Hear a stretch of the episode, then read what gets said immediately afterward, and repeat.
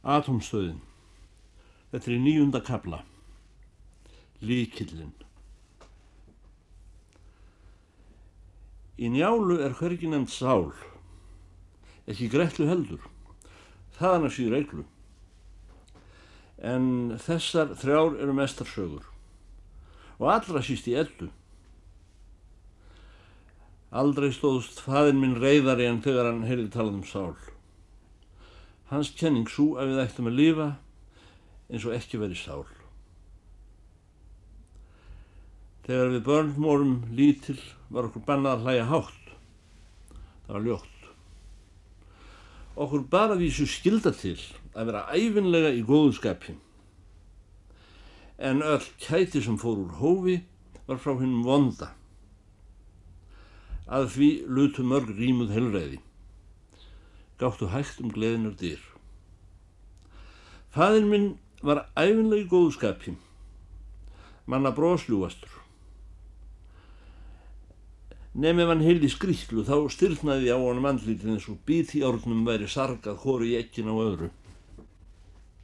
Og hann setti hljóðan, varði utan við.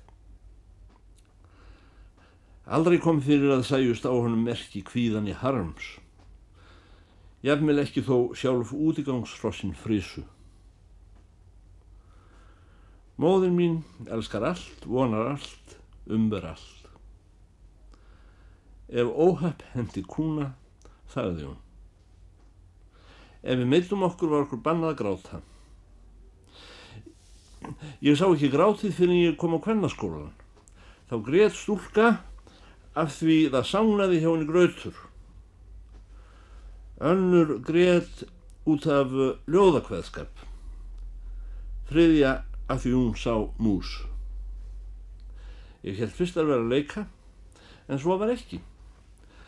Og þá blíðaðist ég mín sem aður blíðast sín fyrir fólk sem hefur mist brókina.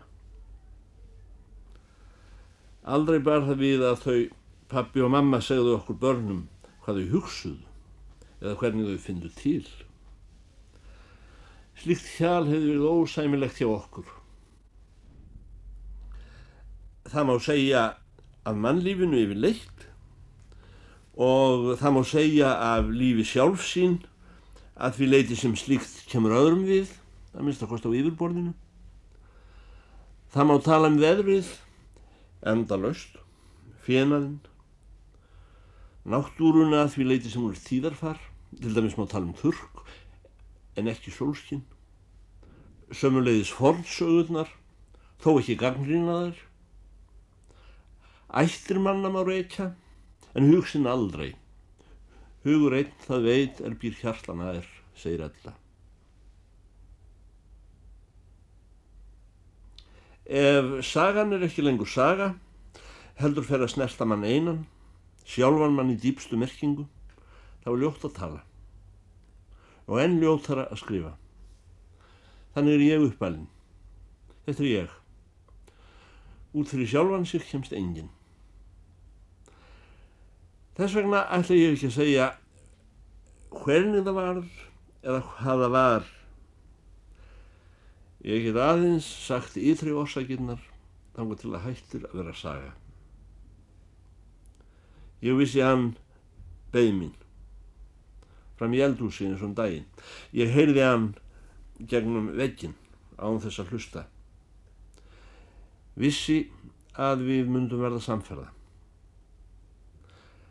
Síðan er hálftímin minn á enda og ég fer í kápuna og rétti organistanum mínum höndina og fæ blómið mitt. Og þá er hinn staðin upp til að fara. Síðan gengum við út. Það var alveg eins og um daginn, nema í þetta sem þaði hann alveg. Hann gekk við hlið mér án þess að segja nokkur skapaðan hlut. Segð eitthvað, sagði ég. Nei, sagði hann.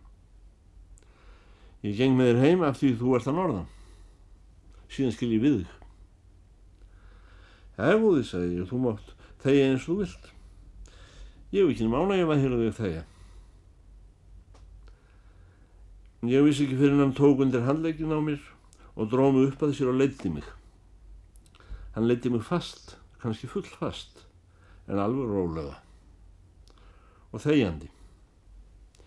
Hann held um upphandleikin á mér og komið í síðun á mér, kom alveg við brjóstið á mér. Það erstu vöna ganga með manni, sagði hann. Ekki sem hefur köllum, sagði ég. Talaði eins og þú væri á norðan en ekki að sunnan, sagði hann. Síðan gengum við og gengum. Þannig til hann segir, blátt áfram. Þú ert rángegð. Ekki nema það þú, segi ég. Það er alveg satt sveimir þá, sagði hann, þú varst rángegð. Þó ekki einegð, sagði ég. Það er alveg satt, sagði hann, ef maður aðtúr þig vel þá erstu rángegð. Stundum finnst mér þú uh, ekki vera það, en, en núna, ég, ég er alveg viss nú er það. Heyrðu, mikið afskaplega getur verið rángegð ekki nema þegar ég er þreytt, sagði ég. Aftur á móti er of langt á milli augnan á mér, alveg eins og svo ugla sem ég er. Ég hef aldrei á æfi minni síðan neitt eins rangegt, sagði hann. Hvað á ég að gera?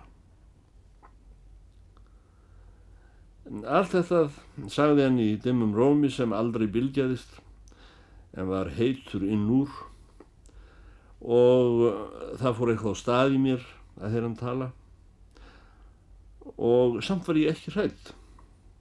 Munurinn á þessum og hinnum bjó ennþá í njánum á mér, sjálfur. Og þegar við erum komin heima dýrum hjá mér og ég að gá í ráp töðruna mína, þá er það engin líkil. Ekki urmull af líkli maður og klukkan að ganga eitt um nátt. Mér hafði verið fengnir liklar, bæðið að fordýr og bakdýri og um, þessa likla hafði ég aldrei glemt að taka með mér þegar ég fór heimanað, velvitandi að annars kæmist ég ekki inn og þegar staður var ráptöðuran og nú hafði ég sem sé glemt þeim eða kannski týnt þeim. Eða þeir höfðu afklæðst efninu og orðið að öngu fyrir kraftaverk eða reymleika. Ég týndi hvert tangur og tötur upp úr töðrunni, holdeinni, rannsakaði fóðrið, hvort uh, liklarnir hefðu komist millir laga en allt kom fyrir ekki. Ég var á göttunni. Getur ekki barið upp, saði hann. Í þessu húsi, saði ég. Aldrei. Heldur gengið úti en láta slíkt fólk opna fyrir mér. Ég hef þjófa líkil, sagði hann. Reyndar hef ég ekki miklu að trúa á að að þessum lásum. Þetta er vittlaus maður, sagði ég. Þetta er þér í hug, ég fari inn í þetta hús með þjófa líkli. Nei, ég doka við. Einhverja fólkinu kann að vera ókomin heim og opnar fyrir mér. Hann horfið á mig. Það mitt segja mér að illa færi fyrir þér, sagði hann. Þú játar og neytar sama hlut í einni andra. Það best þú komið með mér. Þannig atfikaðist það. Og það var ekki fyrir inn í byrtingu morgunin eftir. Ég var að fara heim frá honum og komin í kápuna mína. Það var mér farið honni í vasa minn og auðvitaði líkillin þar. Hann átti ekki náma koffartið sitt rúmið fylgdi herbyrginu, stólinn og borðið. En píanóið hafði hann á leigu því hann var þetta langt á undan mér í tónlist að láta sér þetta í hug píanó þegar ég hugsaði ekki lengra en til orgels. Hér var allt í rauðareglu. Það var sápulugt. Hann bauð mér að setjast í stólinn og fór hann í koffortið og tók upp það um brennivinspillu eins og hvernar glúrin fornbíl sveitamadur. Kanski þú allra bjóðið mér munn-tópak líka, sagði ég. Súkulaði, sagði hann. Ég þáði súkulaði en ekki brennivinn. Hvað áttur fleira, sagði ég. Verð ekki svona áköf, sagði hann, þú munt komast að því nógu ljótt. Ástinn. Best get ég trú að ást væri eitthvað ruggliður romantísku snillingunum sem, sem nú uh, uh, hvað ætla að fara að baula eða jafnvel deyja minnst að kosti er ekki talað um Ástína Jálu sem er þó öllum romantískum bókum betri ég hef uh, lifað 20 ár með besta fólk í landinu föður mínum og móður og aldrei hirt nefnda ást þau hjón eignuðust okkur börn að vísu en ekki af ást heldur þátt í einföldu lífi fátæks fólk sem hefur öngvar skemmtanir. Aftur á móti hef ég aldrei hirt misjamt orð fara millir þeirra alla mín æfi, en er það ást? Ég held varla. Ég held ást sé skemmtun hjá gældfólki í kaupstöðum og kom í staðin fyrir einfall líf. Það er lifað í mér sérstöku lífi sem ég hef ekki valdi yfir nefnað óverulegu leiti þó ég kalli það sjálfa mig. Hvort ég er kist eða kist ekki þá er munurinn á manni kossa, minnst kosti helmingur á kossi. Þú ert saklaus og ofan og sveit skilðnum svífyrðilegasta glæp, söng atomskáldi þegar hann sá mig og rataðist merkilega satt á munn. Því ef eitthvað er ljótt þá er það lífið sjálf sem fer sínu fram í þessu blauta, marg hólfaða íláti sem kallaði líka mig. Elska ég þann djúbrataða beina og heita mann? Ég veit það ekki. Eða hinn sem lætur mig fá í hnén? Veit að enn síður. Hví spyr ég þess? Á einu stígi elskar stúlka alla kallmenn án þess að skiptaðum í persónur, elskar kallmannin.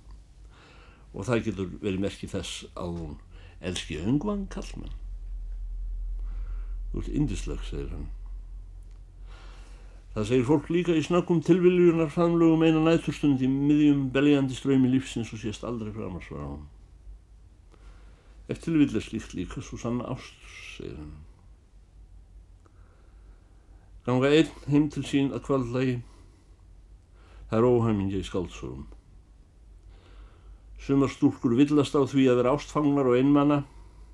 Halda þeir síu hið fyrra, eru hið síðara. Ástfangnar af öllum og öngum af því það er, eru mannlausar.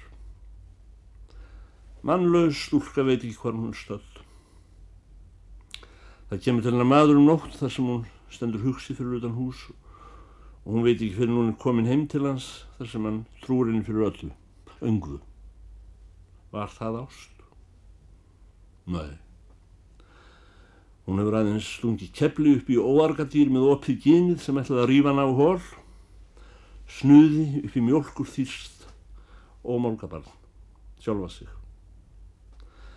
Maðurinn var ekki hann en ambóð og ef það var rámt þá er lífið sjálft hins svífildegi glæpur söngvarhans og skáldsins. Einu sinni komu mælingamenn að sunnan að mæla fossana. Einn var í gífurlegri kápu með trefilinu på vasa sínum og það var lítilsáttar brennivinslikt af honum. Hún var 17 ára. Hann kist hann í stofunni um leið og hún bar honum kaffið. Hvers vegna fór hún í topptjaldi til hans um kvöldi þó hann hvíslaði í aðinni. Af bláskerri forvitni. Hún var auðvitað heit og sveitt og rjóð allan daginn að hefði verið kist 17 ára. Tjaldið hann stóð nýður í gílinu hjá leknum og þar var hann einni þrjá nætur og hún. Hún saði aldrei orði við hann og mikið var hún fegin hann skildi verið giftur. Annars hefði hún kannski farið að hugsa um hann. Síðan fór hann. Og uh, upp úr því fór ég fyrst að hugsa um sjálfa mig. Í rauninni gaf hann mér sjálfa mig og fyrir bræðið á ég hann alla mín aðevi, þrátt fyrir allt, ef ég vil. Hitt var piltur sem ég kynntist þegar ég var á kvennarskólanum. Fyrst dansaði hann við mig heila nótt, síðan skrifaði hann mér bref, loks blíslaði hann fyrir neðan glukkan. Ég stalst út um nótt. Við höfðum öngvan stað að vera en vorum samt því ekkert getur hindrað strák og stelpum. Eitt líka næm samt illa að láta komast upp um sig, að vera auglýst. Þetta erum við sjálf. Þetta veitum við einn. Þarna er það sem reyndin hættir að vera saga. Þarna sem sagan á ekki framar rétt. En eh, hefnin er því að hann þurfti að hverfa suður þegar við höfum hist þrísvar og, upp frá því var allt kyrkt og enginn hrættur í þeim hættulega stað kvennaskólanum þar sem lausleitt er skilgrind siðfræðilega en ekki efnafræðilega. Og þetta var allt og sumt sem ég hefði lífað, langfullorðin stúlkan, tangu til kvöldið sem ég týndi liklinu. Tíundi kapli. Er reikinn. Meðan ég er að hella í bollana við morgunborðið, spyr frúin með köldum réttarhaldstón, vöblulöst, þess að líta á mig. Hvar voru þér í nótt? Á ég. Fyrst sípur konan lítið sáttar hveljur, en stillir fljótt viðprunnar munn, hummar ofurlítið hátt uppi og segir loks fyrðu stilt en orðin hvít í framann. En það, já, hvaða mál voru þar á dagskrámi leifin? Vöggustofan, svarði ég. Hvaða vöggustofa, spurði konan. Það vantar vöggustofu, sagði ég. Uh, hún vantar vöggustofu, sagði hún. Mig, sagði ég. Og hverju var að byggja hana, sagði hún.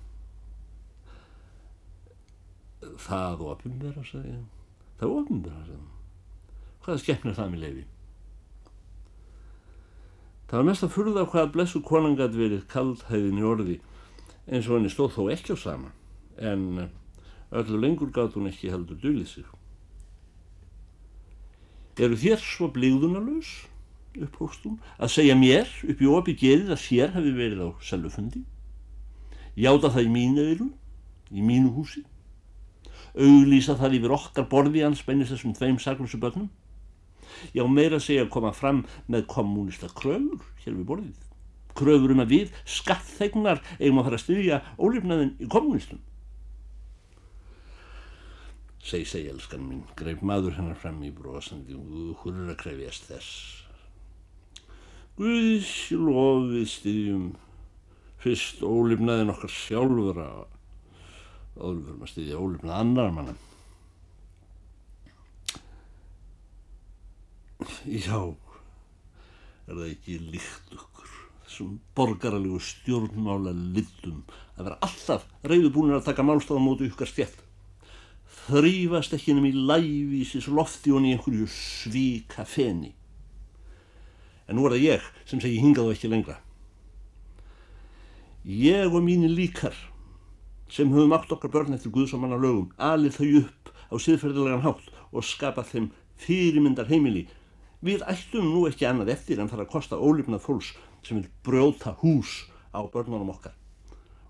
Og hér reys frúin úr sæti sínu, skók framann í minn nefn, svo armböndin glömruðu og sagði Nei, takk! Og burt. Lilla stúlkan horfi á móður sína, opnum munni og var fann að spenna greipar. En sá litli feiti fyllt í gúlana af vindi. Húsbóndin hjælt áfram að borða havragrautin sinn og kipraði aftur augun, en dró upp brýðnar eins og minn ger í spilum til að láta ekki sjást á sér hvað þeir hafa á hendinni. Hvað skildi ég að hafa haldið að ég væri? Hjælt ég þetta hús væri hóll sem hefði orðið til í landslæginu af tilviljun. Að hér veri hægt að tala um hlutin af léttúð snöðra manna hafði ég haldið að sellutalið í húsinu væri eitthvert saklaust fjölskyldur órill, viðlag sem maður hefur vanist á að raula þeim stundum sem hugurinn er tómur. Ef svo var hafði mér skjáttlast. Ég átti ekki fóður undir fatt. Svo gersneilt var ég hæfileg til að skilja heldra fólk, kunni ekki einu sinni að vera þræll þessi orði.